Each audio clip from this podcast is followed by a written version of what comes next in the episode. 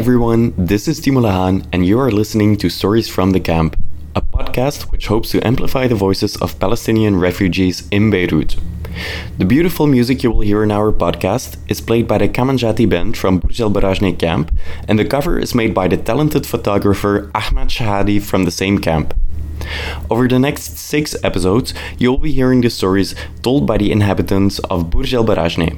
They shared their stories with a group of students in a series of four workshops conducted during the months of June and July 2022 in the camp.